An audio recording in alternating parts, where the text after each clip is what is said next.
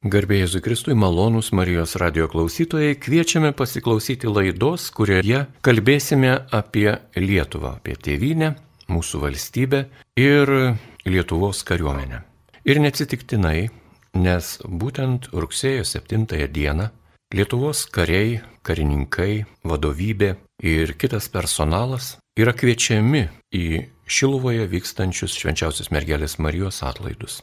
Ir ši diena yra jau tradicija, kai Lietuvos kariuomenės vyrai ir moteris susirenka maldai prie Šiluvos Marijos, padėkodami, prisimindami ir turėdami viltį. Šioje laidoje maloniai sutiko dalyvauti Lietuvos kariuomenės generolas leitenantas Jonas Vytautas Žukas. Jį kalbina Liutauras Serapinas ir aš sveikinuosi su generolu leitenantu Jonu Vytautu Žuku. Garbėjai Jėzui Kristui, laba diena. Labą dieną, sveiki. Jūs jau ne pirmą kartą esate Marijos radio eteryje ir jūsų tikėjimo, patriotiškumo, tėvinės meilės jausmai ir darbai yra žinomi. Gerbiamas generolė, tikėjimas jūsų gyvenime kokią rolę vaidina? Na, aš esu labai augęs tikinčio šeimoje ir nuo pat mažumės ir buvau auklėjimas katalikiškai. Ir, ir man jie neįvyko jokio lūžio, kad aš taiga turėjau kažkaip tai persvarstyti savo vertybės, kada, kada žlugo Sovietų sąjunga, komunistai išėjo ir buvo paskelbta Lietuvos nepriklausomybė, mes juos labai laukiam ir tai buvo, nebuvo joks, joks kažkoks tai keistas pažiūrų smūgis, kurį kai kurie žmonės galbūt čia Lietuvoje išgyveno, kad tai, štai staiga sužinojo kažkokią tiesą. Tai ta tiesa lydėjo mane nuo pat mažumės, aš taip buvau užaugęs, aš tiesiog buvau tarptų vertybių, mano tėvai. Ir šeimos istorija yra tokia, kad šiaip ar taip yra nukentėję nuo sovietinės okupacijos ir mano seneliai buvo išvežti į Sibirą ir, ir tėvas sėdėjo lageryje. Po kario metais jo brolis yra žuvęs miške. Tai žodžiu, tos vertybės mane lydėjo nuo vaikystės ir, ir, ir man tai atrodė kaip natūralus dalykas. Mes visada tikėjome, mūsų tėvas tikėjo ir, Ir seneliai tikėjo, kad vieną dieną vis tiek Lietuva bus laisva ir mes ir klausydavom ir to. Ir Amerikos radio, ir Vatikano radio, ir, ir Vokiečių bangos, ir, ir, ir BBC. Tai tas, tie, tie garsai, tie šaukiniai tų radio mane lydėjo visą vaikystę. Taip kad ir tikėjimas, ir, ir, ir vėlinės, kada mane tėvas tėvai nuveždavo per vėlinės, aš atsimenu tarybiniais laikais, kada ten visus fotografuodavo ir žiūrėdavo, kas čia kur iš kokios mokyklos ateina, buvo tokios irgi tikros vėlinės. Ir tokia tikra mirusių paminėjimo šventė dabar nutuka pasidariusi masinė, o tada tai buvo kažkas tokio labai didingo. Tai čia tokie dalykai ir susiformavo man, suformavo mano pažiūras. Nuo vaikystės ir po to ir per visą gyvenimą. Jūs pasirinkote istorijos profesiją, esate istorikas, baigęs Vilniaus universitetą, o kaip jūs pasirinkote karininko kelią? Koks tai buvo sprendimas? Tai irgi mano šeimos istorijos dalis, kadangi, kaip jau minėjau, dalyvavo pasipriešinime ir toliau, aišku, skaitytos knygos, jaunystėje pokalbiai su tėvais, tas patriotizmas, tai aš man, man patiko kariškio profesija, ne, ne vien tik tai iš tėvų pasakojimo ir iš, iš patriotizmo, bet taip pat ir iš perskaitytų knygų, tokių ten kaip Trys muškietininkai ar, ar, ten, ar kokios tai kitos romantinės to laiko tarp knygos. Tai, Tai kažkaip formavosi tas pažiūros, kad, kad norėčiau būti turbūt karininku. Buvo toks atvejis vienas, kurį dabar dar beje buvę klasės draugai prisimena tarybiniais laikais, Brežnevo laikais, kada klasiai buvo klausima tiesiog, kas ko norėtų būti. Aš tada pasakiau, kad noriu būti Lietuvos karininku, tas sukėlė didžiulę žiotažą. Klasės auklėtojo išsigando ir sako, ką tu kalbi, ką tu kalbi vaikeli. Tai, žodžiu, buvo toks atvejis. Tai paskui man kažkaip keistai nededant labai didelių pastangų dėl karjeros, ta, ta pati karjera rokluojasi raudonu kilimu. Tikrai nereikia manyti, kad jums buvo lengva tuo laiku su tokia gyvenimo svajonė ir tokia vizija. Bet jums teko ragauti mokslų, jūs baigėte ir Vokietijoje Bundesvero akademiją, taip pat NATO koledžą Romoje. Kokį įspūdį tuo metu padarė šitos aukštosios mokyklos jums, lietuviui, karininkui? Tai visų pirma, mano buvo pirma kelionė į užsienį aplamai, aš niekur nebuvau buvęs, negalėjau išvažiuoti, buvau nekomjaunuolis ir taip toliau. Tai žodžiu, išvažiavimas į Vokietiją savaime jau buvo kažkoks pasaulio stebuklas, tai pamačiau šitiek šviesų, kaip atrodo tos parduotuvės, kaip žmonės gyvena, tai buvo didžiulis šokas. O bet to, aišku, susipažinimas su nauja aplinka, su naujais mokslais, su nauja karinė doktrina, kadangi Mums visą laiką sakydavo, kad sovietinė karinė doktrina tai yra gynybinė, o, o jau NATO tai yra labai agresyvi.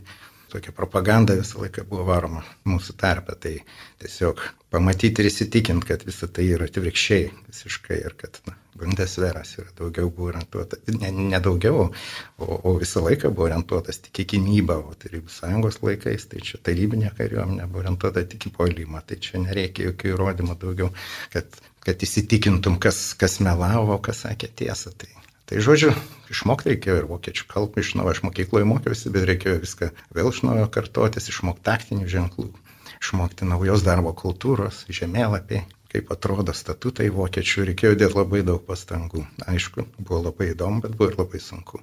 Nebejotinai jūs patyrėte tam tikrus, na, išbandymus, bet tie išbandymai į gerą. Ir va tuo metu, kai mokėtės akademijoje, Vokietijoje, ar pagalvodavote apie Skirmantą, kuris irgi galbūt čia kažkur netoli buvo mokomas arba ten vėliau permestas? Taip, viena iš pačių gražiausių knygų apie partizanus, kokias aš esu skaitęs ir tada skaitėm namuose dar tarybiniais laikais fotografuotą leidimą. Reikėjo labai greitai jį gražinti. Aš atsimenu ir skaitėm tiesiog iš rankų į rankas. Perskaito tėvas, tada mama, tada brolis, tada aš, kadangi buvau jauniausias. Ir per tas ir skaitėm dieną naktį, kadangi knygą reikėjo atiduoti. Tai šitą knygą buvo man padaręs neišdildomą įspūdį visam gyvenimui ir be bejonės.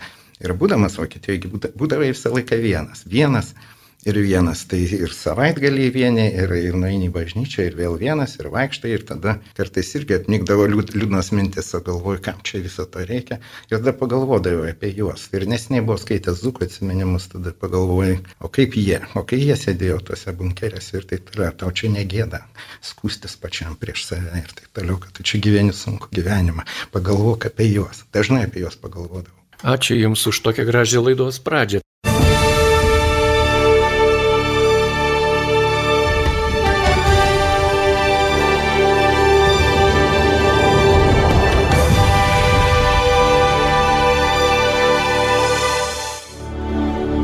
Jūs girdite Marijos radiją.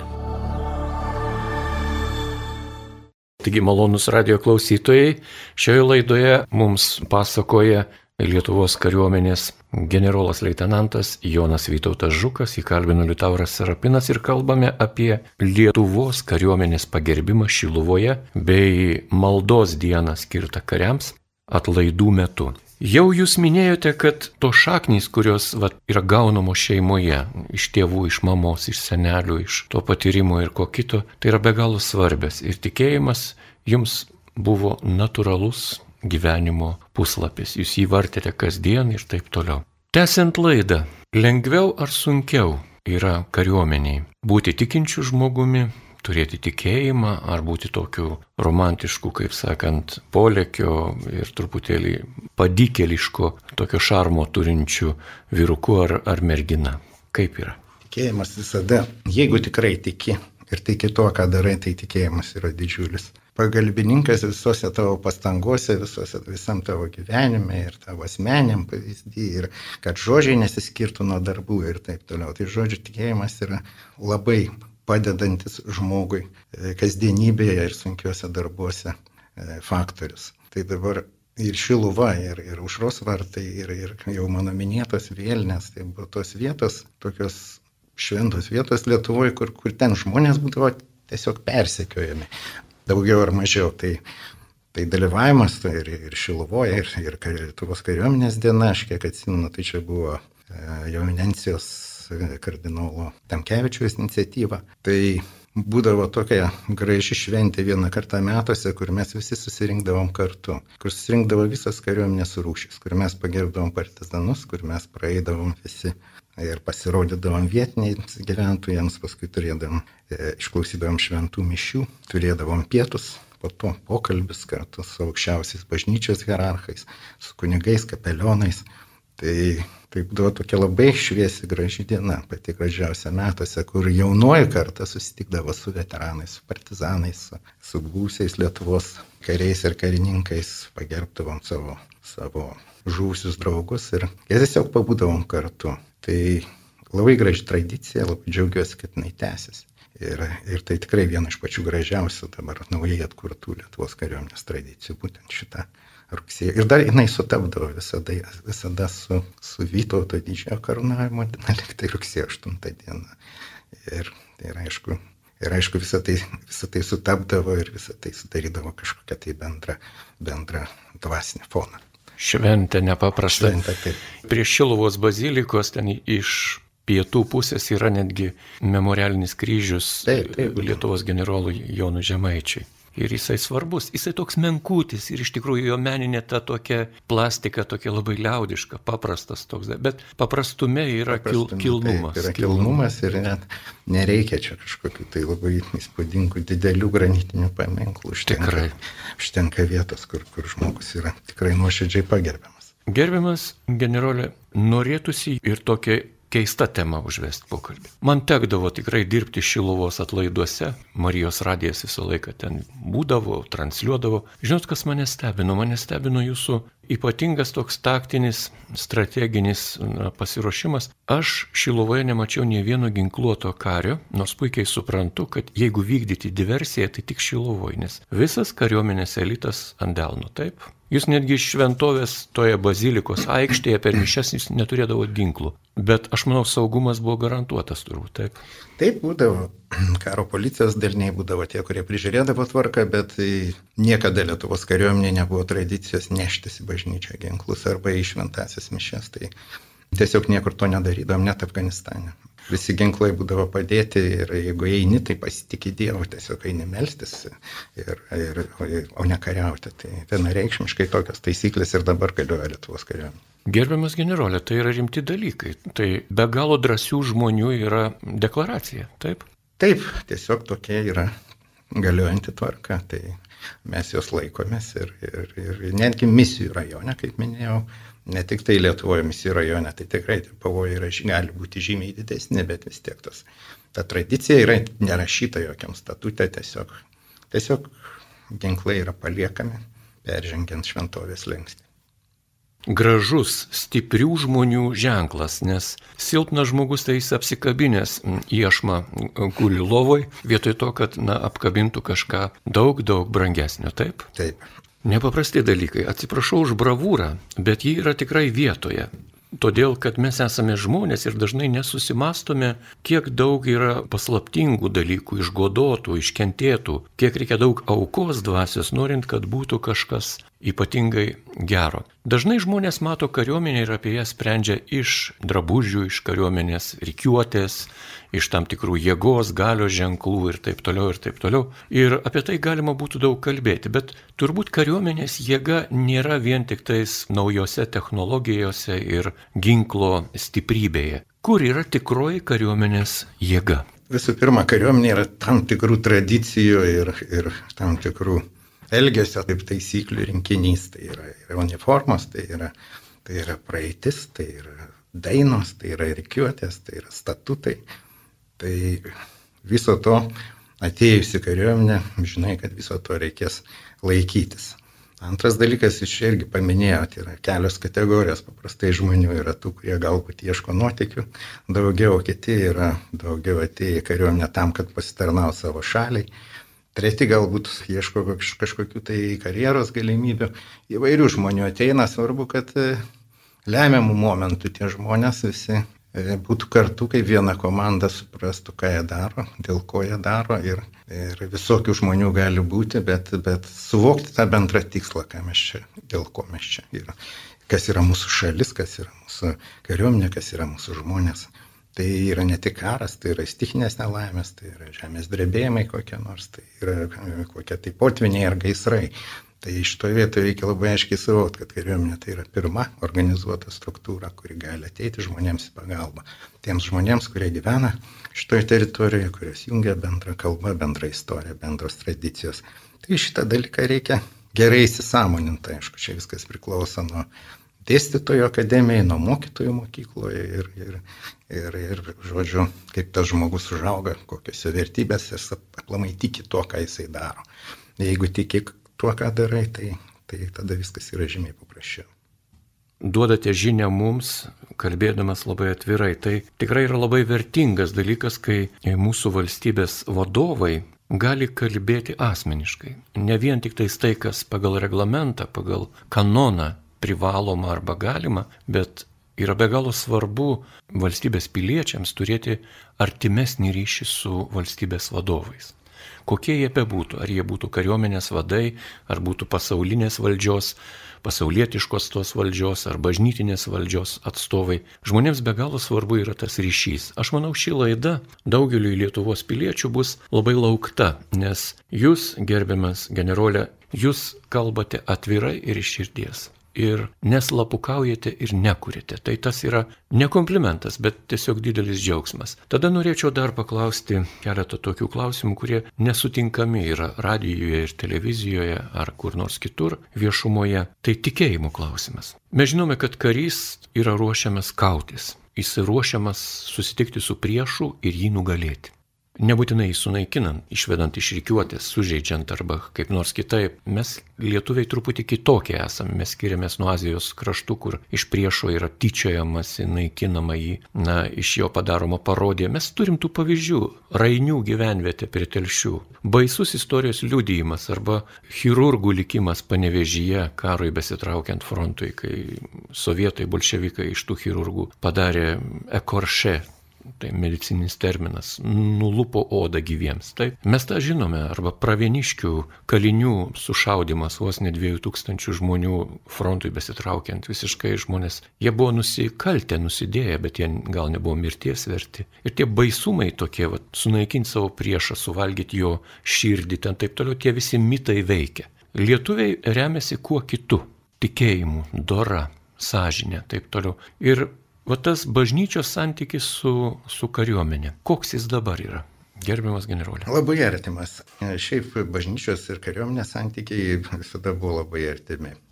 Čia yra ir krikščioniška tradicija ta, ta tokia ir be to e, daug kunigų, kaip jūs žinote, ir XIX amžiuje, ir po kario metais buvo Lietuvos kariuomenės gretose ir kovojo kartu petys į petį su savo draugais. Ne tik tai atlikdami savo kunigišką krikščionišką pareigą, tarp tų, kurie prašo pagalbos, bet taip pat ir kaip ir kunigas Matskevičius ir, ir daug tų, kurie pokario metais ir grafas ir pokario metais žuvęs Lietuvos miškuose buvo mūsų šeimos nariai. Jie niekiek nesiskiria nuo mūsų, tai yra kariškiai, kurie lygiai taip pat kovoja už savo idėją, už savo tikėjimą, už savo tėvynę. Svarbiausia, per kartą kokiam vertybėm vadovaujasi. Tai ar tu gini savo kraštą, ar tu, ar tu Ar tu čia atėjai pasiplėšti, ar tu čia atėjai padėti kitiems, apsiginti nuo plėšikų. Labai svarbu turėti šitą tokį moralinį supratimą ir nusistatymą, ką tu darai, dėl ko, dėl ko tu tai darai. Ir, ir vadai turi perduoti tą savo pavaldiniams, kada pavaldiniai supranta, kad, kad vadas laikosi tam tikrų moralinių vertybių, ten laikosi savo tikėjimo tiesų ir jo žodžiai nesiskiria nuo darbų, tas persidoda visiems pavaldiniams nuo aukščiausio iki žemiausio kareivio. Tai santykis su tikėjimu arba tikėjimas tom krikščioniškom vertybėm ir, ir darimas, tai dėl kitų visų pirma, ne dėl savęs, tai ir yra santykis su tikėjimu, tai yra tavo satisfakcija su tavo sąžinė. Kariuomenėje tikrai daug yra kunigų, kurie tarnauja, patarnauja tiek kariškiams, tiek jų šeimų nariams. Ar kunigas kariuomenėje turi teisę karo atveju naudoti ginklą? Mes esame apie tai diskutavę, niekur taip nėra parašyta, kad jisai taip turėtų daryti. Čia yra jo asmeninio apsisprendimo reikalas. Jisai pats turi priimti sprendimą, jis yra paprastai karininkas, Jis e, turi karinį laipsnį, jisai gali nešioti ginklą, jam priklauso ginklas, bet čia jo yra apsmenis atsisprendimas, jeigu jis mato, kad e, jo draugui, bičiuliui ar kažkam ar reikia imtis to ginklo, jis gali tą dalyką daryti. Jis gali jo ir nesijimti, už tai nebus merkiamas. Mūšio laukia jis gali teikti pagalbą visiems, tame tarpe ir priešams, jeigu priešai prašo jo pagalbos. Tai čia daug kas priklauso nuo pačio asmens apsisprendimo. Labai platus įgaliojimai. Taip, bet tokia yra kapelionų institucija. Taip, tokia kapelionų institucija. Kariuomenės ordinariatui šiuo metu vadovauja arkivyskupas Ginteras Grušas, jis yra Lietuvos kariuomenės ordinariato apaštalinis administratorius. Na, o vyriausias Lietuvos kariuomenės kapelionas šiuo metu yra pulkininkas leitenantas kunigas Rimas Venskus. Jeigu paklausčiau iš jūsų patirties, santykis eilinio kario, kareivio, kaip liaudėje mes esame įpratę, ir kunigo kariuomenėje, koks jis? Vėlgi viskas priklauso nuo kunigo, nuo kapeliono, kiek laiko jisai skiria tam kareiviai, kiek jisai iš tikrųjų padeda jam jo pačiu sunkiausiu tarnybos metu. Sunkiausias tarnybos laikas kareiviui visada yra pradžia, kada jis ateina priesaikos davimas, kada visiškai naujos taisyklės, ten į vaiko rėkiant, jo kelią, jį liepia daryti to, ko jisai paprastai nedarė, klot lovų, valyti patalpas, naktim nemiegot, bėgiot, šauti ir taip toliau. Tai tuo momentu, kada jo sąmonė, kada keičiasi arba lūšta ta sąmonė, tampa iš civilio kareivių, labiausiai reikalinga kartais kažkoks taip paskatinantis pagodos žodis. Ir kapelionai tą žino puikiai, kad tas laikotarpis iki priesaikos davimo, tas jauno kario laikotarpis arba bazinis kareivio kursas, paprastai kareiviai būna sunkiausias, jisai ne, nemato savo tėvų, jisai pakliūna į nežinomą aplinką ir, ir, ir tada labiausiai jam reikia tos pagalbos. Tai jie tą žino ir, ir yra galimybė savaitgalį lankytis ir šventose mišiuose. Ir, ir jie dažnai ateina ir kareivinės vakarais kalba ir ypatingai misijų metu tie kapelionai, kurie išvažiuodavo į Afganistaną arba važiuoja į Afriką. Tai puikiai supranta, kas yra būti toli nuo namų ir ką reiškia geras žodis. Netgi vienas ar kitas geras žodis ar tiesiog pokalbis. Nebūtinai reikalaujamas iš tavęs atlikti kažkokių pareigų, bet tiesiog būti tavo draugu tuo momentu, kai tau reikia. Tai čia yra labai didelis dalykas ir labai, labai didelis bažnyčios vaidmuo. Besiklausydamas jūsų gerbiamas generolė prisiminiau monsinjorą Alfonsą Svarinską. Jis tikrai buvo vienas iš ir karo kapelionų, jis buvo partizanų kapelionas, taip ir liko iki mirties, jo tas statusas nepanaikintas. Jis buvo ir kariuomenės vienas iš kuriejų. Ir kartą Kavarsko parapijoje žiemos metu vasario 16 metu jis darydavo tokias jau iškilmingas šventasias mišes, buvo labai šalta žiema. Pakvietė ir mane jis tuo metu ir, ir žinoma, ten vietinės rinktinės tikrai atvažiavo daug kariškių, jie buvo kartu ir, ir vadai ir taip toliau. Ir žinot, kadangi tai buvo iškilmingos šventos mišios, tai jie visi buvo, na, su paradinė uniforma. O šaltukas buvo kaip reikiant, o Kavarsko bažnyčia nešildoma. Ir monsinjoras tokį jau, kaip sakant, patriotinį didaktinį pamokslą sakė gana ilgai.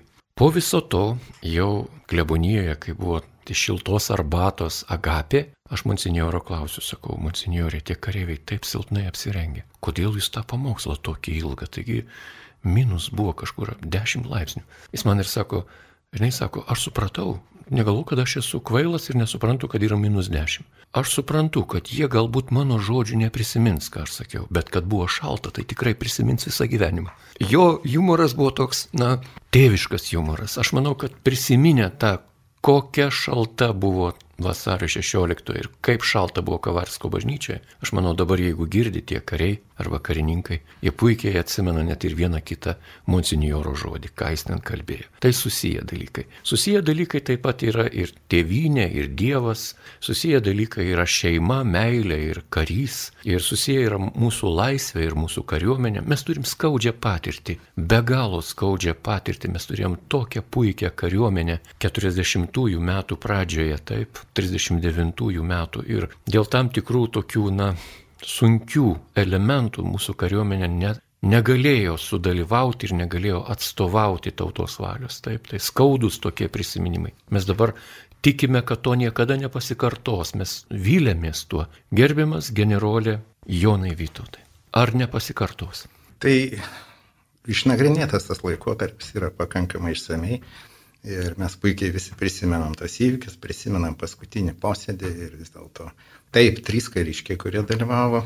Tai esamas kariuomenės vadas Vitkauskas, buvęs kariuomenės vadas Raštikis ir, ir krašto apsaugos ministras Musteikis. Tai vienas iš jų, iš trijų pasisakė už tai, kad Lietuvos kariuomenė reikia priešintis. Taip pat, taip pat pasakė ir prezidentas Metona. Bet didžioji dauguma paskutiniam posėdį dalyvavusių žmonių ir ministrų pasakė, kad priešintis negalima, kad reikia, reikia šnekėtis, kad reikia skirti naują laikinąjį prezidentą. Ir to, tokie buvo politiniai sprendimai. Tai kaip žinote turbūt, kad e, Vitenių pulkas pakilo iš savo kareivinio, pakluso tam nurodymui ir ėmė trauktis į Vokietiją. Ir reikėjo trauktis, traukėsi su mūšiais. Bet tada atvažiavo grupė už tų kariškių, generolų, areštavo pulko vadovybę ir tuo viskas pasibaigė. Tai žodžiu, vien tik tai kaltinti kariškių dėl to, kad jie nepasipriešino, išsigando ir pabėgo.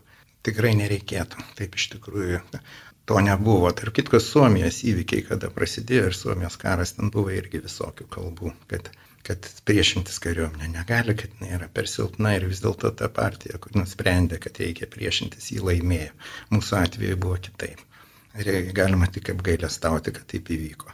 Tai todėl, kada 90 metais vėl pradėjo kurtis Lietuvos kariuomenė, pasienio tarnyba ir prasidėjo sausį įvykiai, mes neturėjom nieko. Turėjom pagalius, benzino butelius, bet tada galvojom, kad reikia pasipriešinti, kad tokiu būdu mes išgelbėsim Lietuvos kariuomenės garbę. Ir daugiau to nebepakartosim. Ačiū Dievui, mūsų radijoje tas toks maldos kreipinys Ačiū Dievui yra gana populiarus. Tai nėra išsireiškimas, bet tikrai malda ir padėka Dievui. Ačiū Dievui, kad tas karas nebuvo fatališkas mūsų atžvilgių, kad mes likome kad liko šerdis ir, ir pasitraukus į vakarus, liko ir miškuose pasislėpę partizanai, kurie tęsė tą kovą. Labai lengva yra dabar istoriškai vertinti, jūs esate ir istorikas, ir kariuomenės vadas. Jums suprantami šitie dalykai. Žmonės painiojasi, žmonės neturėdami pilnos informacijos vis dar ieško visokiausių klaida keliuose atsakymų ir neranda. Vienas iš tikrai iš gražiausių turbūt paliudijimų Lietuvos piliečių pasipriešinimo sovietams tai turbūt yra birželio sukilėliai, tai yra inteligentai Kauno. Taip, jie šiuo metu yra sutepti garažo įvykių fatalinė baigtimi, kai ten dar istorikai ir dar kriminalinė turbūt, na nežinau, tyriamoji grupė nėra atsakius pilnai, kaip ten kas buvo, bet kaltinti lengva yra daug sunkiau ir Ir tikrai daugiau pastangų kainuoja supratimas ir žinojimas tikros tiesos. Mes vilėmės, kad bus atskleista tikra tiesa ir apie Birželio sukilėlius, vilėmės, kad bus atskleista tiesa ir apie Lietuvos laisvės kovos sąjūdžio partizanų organizuotą kovą. Ar tai buvo tik tais pasitraukusių iš baimės kareivių, ar tai kažkokių tai kolaboravusių ten su nacijais, ar taip toliau, jie yra tuo kaltinami nuolat ir kiekvieną dieną vis aktyviau. Bet manau, kad tos tiesos neįmanoma nuslėpti lygiai taip pat ir mūsų Lietuvos atsikūrusios kariuomenės nuopelnų. Ir jeigu porą žodelių apie juos, ar mūsų kariuomenė yra nuopelninga, ar ji turi nuopelnų NATO bendrame alijanse Tai be abejo, jeigu žiūrėt dabar į paskutinį 30 metų ir kiek yra dalyvauta tarptautinėse misijose ir pažiūrėkim 10 metų dalyvauta Afganistane, yra žuvusių, yra sužeistų, Vienas yra žuvęs seržantas iš Alytos ir Malavičius, bet kelios dešimtis yra sužeistų. Kiti patyrė įvairių ir psichologinių traumų, kai kurių gal ir net šeimos išyro ir taip toliau. Tai žodžiu, žmonės e, tikrai dėjo pastangas, visi suprasdami, kad Lietuva Afganistane, Irake arba Afrikoje neturi jokių politinių interesų.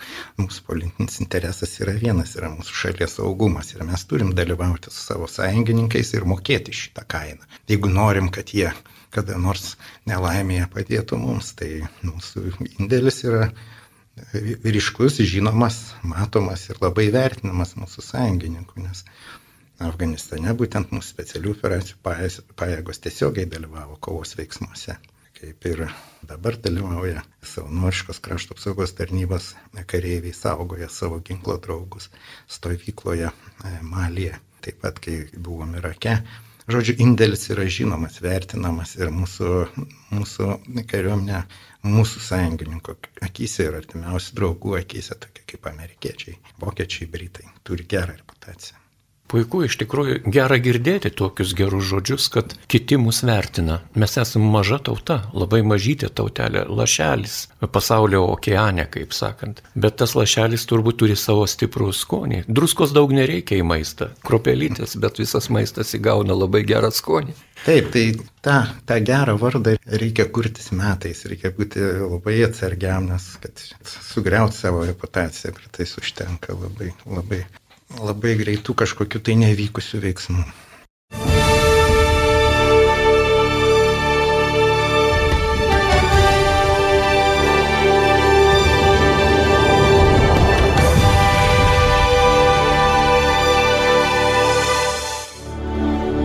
Jūs girdite Marijos radiją. Taigi malonus radio klausytojai, jūs girdite laidą, kurioje kalbame apie Lietuvos kariuomenės maldos dieną Šiluvoje, švenčiausios mergelės Marijos atlaiduose, kuri vyks šiais metais rugsėjo 7 dieną ir pagrindinių šventųjų mišių metu, kurios tradiciškai prasideda 12 val. Sugužės į Šiluvą Lietuvos kariai, už juos bus galima melstis ir kartu su jais melstis ir dėkoti Dievui už tėvynę Lietuvą, už didžiausią dovaną, kurią mes turime. Ir tai yra tikrai dangaus dovana. Taip jau sutapo, kad kariuomenėje kapelionų, tai yra kunigų darbas yra be galo svarbus. Mes tame kontekste pasaulinėme kartais galime atrodyti tokie, na, labai privatus. Malda yra privatus dalykas, bet tikrai neatsitiktinai čia mūsų tame regione, kuris apima galbūt dalį Lenkijos, Lietuvą, Pabaltijai, Latviją, Estiją, žinoma ir Rusija bei Baltarusija. Šitame taške visą laiką buvo raudonos linijos tokios, kur visą laiką buvo įtampa. Tai tampa jinai, kai prasidėjo pirmo pasaulinio karo metu, taip ir, taip ir tęsiama ir kažkas labai pageidauja, labai nori, kad jį tęstųsi ir šiandieną. Ir bažnyčia šitoje kovoje tikrai yra ne paskutinis ramsti žmonėms, teikiantis viltį ir tikrumą bei saugumą. Neatsitiktinai Lenkijos kariuomenės ordinariatas yra perkeltas į Baltstogės arkiviskupiją. Jam vadovauja vyskupas Josef Guzdek ir Lietuvos kariuomenės ordinariatas veikia Vilniuje ir jam vadovauja arkiviskupas Gintaras Linas Grušas su didelė pagalbininkų kunigų komanda. Ir tai yra labai svarbus dalykai - ryšiai, tiek dvasiniai, tiek ir tie vadinamieji socialiniai, medžiaginiai ryšiai. Ir vienas iš tokių glaudžiausių ryšių, žinoma, yra Lietuvos kariuomenės ryšys su NATO. Mes tuo labai didžiuojamės. Kai kuriems turbūt, na, tas jaunystėje, sakykime, ketvirtajame, penktame, šeštajame dešimtmetyje arba mūsų partizanų viltyse, godose turbūt net nerealus atrodė, kad Lietuva priklausys NATO. O juk Lietuvos laisvės kovos sąjūdžio partizanai tuo tikėjo, vylėsi, kad tikrai Amerikos kariai įsilaipins, kad vaduos ir taip toliau. Paradoksai gyvenime. NATO Ši institucija yra labai svarbi NATO kontekste Lietuvos kariuomenė. Ji yra naujokė, augantis vaikas, ar jau patyręs, ar jau, na, turintis autoritetą organizmas. Beveik 20 metų jau mes esame NATO, tai praktiškai mes tikrai jau nebesiskaitom kaip jauni nepatyrę nariai, kurie nežino procedūrų, jų atsilikusi ginkluoti, jie, jie mokyti kitaip. Tai jokių būdų taip nėra. Pas mus seniai galioja NATO standartai, daugelis mūsų karininkų praktiškai negali gauti aukštesnį laipsnį, jeigu nemokė anglų kalbos. Tai ir daugelis karininkų, ir puskarininkių, ir seržantų yra baigę vakarų šalių karo mokyklas. Labai didžiulė dalis, ne vienoje institucijoje Lietuvoje, valstybės institucijoje tie tokio didelio procento baigusių aukštasias karo mokyklas užsienyje nėra. Įvairūs kursai, įvairios pratybos, įvairios misijos, kur tu praleidi mėnesį mėnesiais, pėtis į petį su savo ginklo draugais. Mes esam seniai žinomi NATO, mes nebesam naujokai. Ir dažnai esam keliami pavyzdžiui savo kitiems e, NATO partneriams, kaip šalis, kuri per trumpą laiką sugebėjo pasiekti tiek daug. Afganistano dabartis, Afganistano valstybės likimas. Mes stebime televizijos ekranuose vaizdus tiesiogiai iš Kabulo oro uosto. Šis fenomenas, nežinau, istorinis turbūt fenomenas, kas tai? Globaliniu mastu tai gali būti labai didelė katastrofa. Mes nežinom dabar kokio masto ir, ir kokio, į kokio masto katastrofą tai gali šaukti. Galbūt viskas situacija tai ims rimti, o galbūt jinai ims eskaluotis. Sunku pasakyti, kaip dabar elgsis tie žmonės, kurie atėjo į valdžią, talibanas.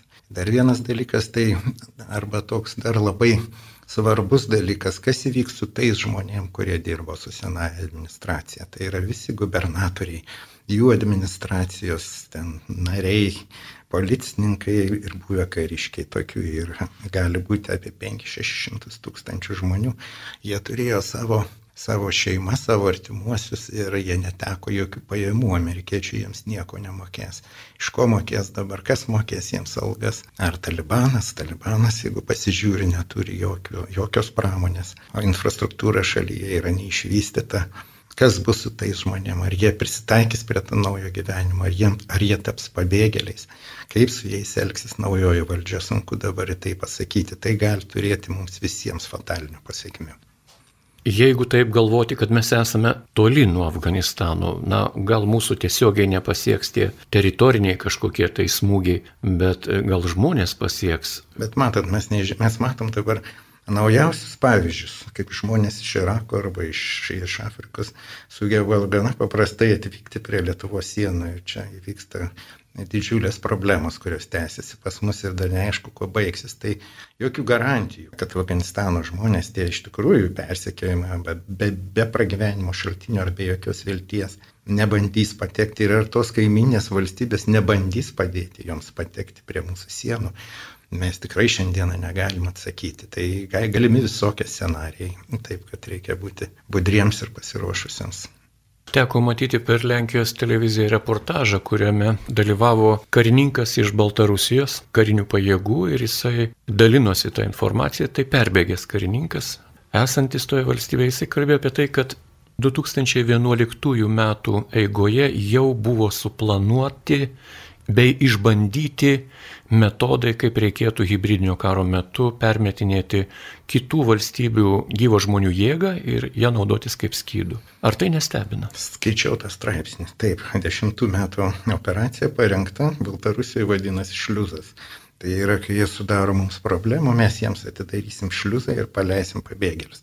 Tai ir tas buvo jau padaryta su Norvegija, ir taip pat buvo pradėta elgti su Suomija, bet paskui kažkaip tai pavykdavo susitarti. Tai tai, kas dabar vyksta, seniai jau yra suplanuota. Ir būtent kada jau kaiminės valstybės vadovas Lukašenka, kad jis jau jautėsi, kad jis yra įvarytas į kampą, jisai tą, tuo ginklu pasinaudoja. Ir, ir kur jisai sustos ir, ir, ir ką jis toliau galvoja, ir jisai tikrai adekvatus žmogus iki galo, jeigu naudoja kitus žmonės savo politiniais tikslais. Sudėtinga dabar pasakyti, kuo čia viskas baigsis. Grėsmė Lietuvai yra ir, ir mūsų kaimynams labai realiai. Taip, tikrai reali ir mes turime stiprinti savo gynybinės galias, pajėgas.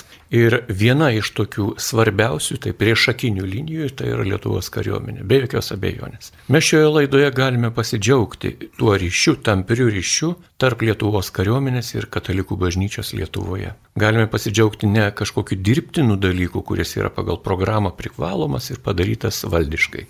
Ne. Pirmoji šio junginio dedamoji dalis tai buvo ne kažkoks tai išleistas įsakymas, o natūraliai vykstantis kiekvieno kario, kiekvieno karininko gyvenime tikėjimas, viltis. Ar jūs turite viltį? Viltį mūsų valstybę, viltį mūsų kariuomenę, mūsų laisvę, mūsų tikėjimu. Aš visada tikėjau, ką aš darau. Visas mano gyvenimas arba tarnyba Lietuvos kariuomeniai, mokslas, visi sunkumai ten, misijos pratybos ir iš tikrųjų buvo ir, ir, ir sunkių akimirkų. Mane lydėjo būtent tikėjimas, kad aš tą, ką aš darau, yra reikalinga mano šaliai, mano šeimai, mano draugams, mano tikėjimui ir, ir visada, visada jauti, kada ypatingai kažkokiu tai sunkiu momentu ar kada esi ilgą laiką vienas, tai atsiranda kažkoks tai netolimas bendrumas su, su kažkokia tai praeitim ar su, su tavo išėjusiais artimaisiais ir taip toliau. Nu, žodžiu, yra čia tokie brangus, artimi dalykai ir išgyvenimai, kuriuos tu esi patyręs ir, ir jeigu tu tikrai tiki, kad tai, ką tu darai, yra teisinga ir, ir, ir reikalinga, tai, tai, tai reikia tikėtis, kad, kad tau kažkas padės. Geri žodžiai. Tikrai gerbiamas generolė. Tikrai labai dėkojame už tą pasidalinimą ir ypatingai va šiuo momentu, kuris yra toks, na, sakraliai mums svarbus ir vertingas, nes vyksta švenčiausios mergelės Marijos atlaidai Šilovoje. Tai, tai labai stiprus atlaidai, tai atlaidai, kuriuos mes kaip užuovėję savo tautiškumui, savo tikėjimui, savo laisviai laikėme tuo metu ir tikrai tą šiluvą ateiti iš Tituvėnų sovietinės okupacijos metu buvo nelengva. Ėjom kaip partizanai naktimis ir naktį išbūdavom šiluvoje kažkur prisiglaudę ten prie, prie žmonių, kokiu reiškia ar kaip, ar net ant šieno mėgodavom naktį, kad galėtume paliūdyti. Bet ne vien tas buvo kelias į vieną pusę. Taip pat ir Dievas ėjo link mūsų ir švenčiausia mergelė Marija su visais legionais savo. Ji yra dangaus kariuomenių valdovė, ji yra dangaus angelų valdovė, karalienė. Jie atėjo mums į pagalbą. Mes turime šimtus pavyzdžių, kai kariai liūdėjo, jog Visiškai nepaaiškinami reiškiniai vyko, jie išliko gyvi. Visiškai nepaaiškinami logika reiškiniai įvykę ir lėmė kautinių arba kovos pabaigą. Ir mes esame dėkingi dangui. Esame dėkingi ir jums, gerbiami Lietuvos kariai. Šį kartą jūsų generolė leitenantė Jonai Vytautai asmenyje dėkojame jums už nuoširdų tikėjimą, už tikrą pasiaukojantį darbą dėl Lietuvos. Ir linkime jums kuo ilgesnių metų, kad jūs galėtumėte toliau liūdėti ir būti, ir kalbėti, ir pasakoti, prisiminti, būti tą atramą jaunesniems, ateinantiems vyrukams į kariuomenę. Ir melžiame jums stiprios sveikatos ir ilgo gražaus gyvenimo. Na, o laidos pabaigai dar priminsiu, gerbiami radio klausytojai, šį kartą Šilovoje per atlaidus rugsėjo 7 dieną Dieną prieš pagrindinę švenčiausios mergelės Marijos iškilmės dieną kviečiame jūs atvykti į Šiluvą ir kartu su Lietuvos kariuomenė melstis ir dėkoti Dievui už didžiausią dovaną, kurią turime - savo tėvynę - Lietuvą. Taigi šioje laidoje dalyvavo Lietuvos kariuomenės generolas leitenantas Jonas Vytautas Žukas, jį kalbino Liutauras Serapinas, likite su Marijos radiju.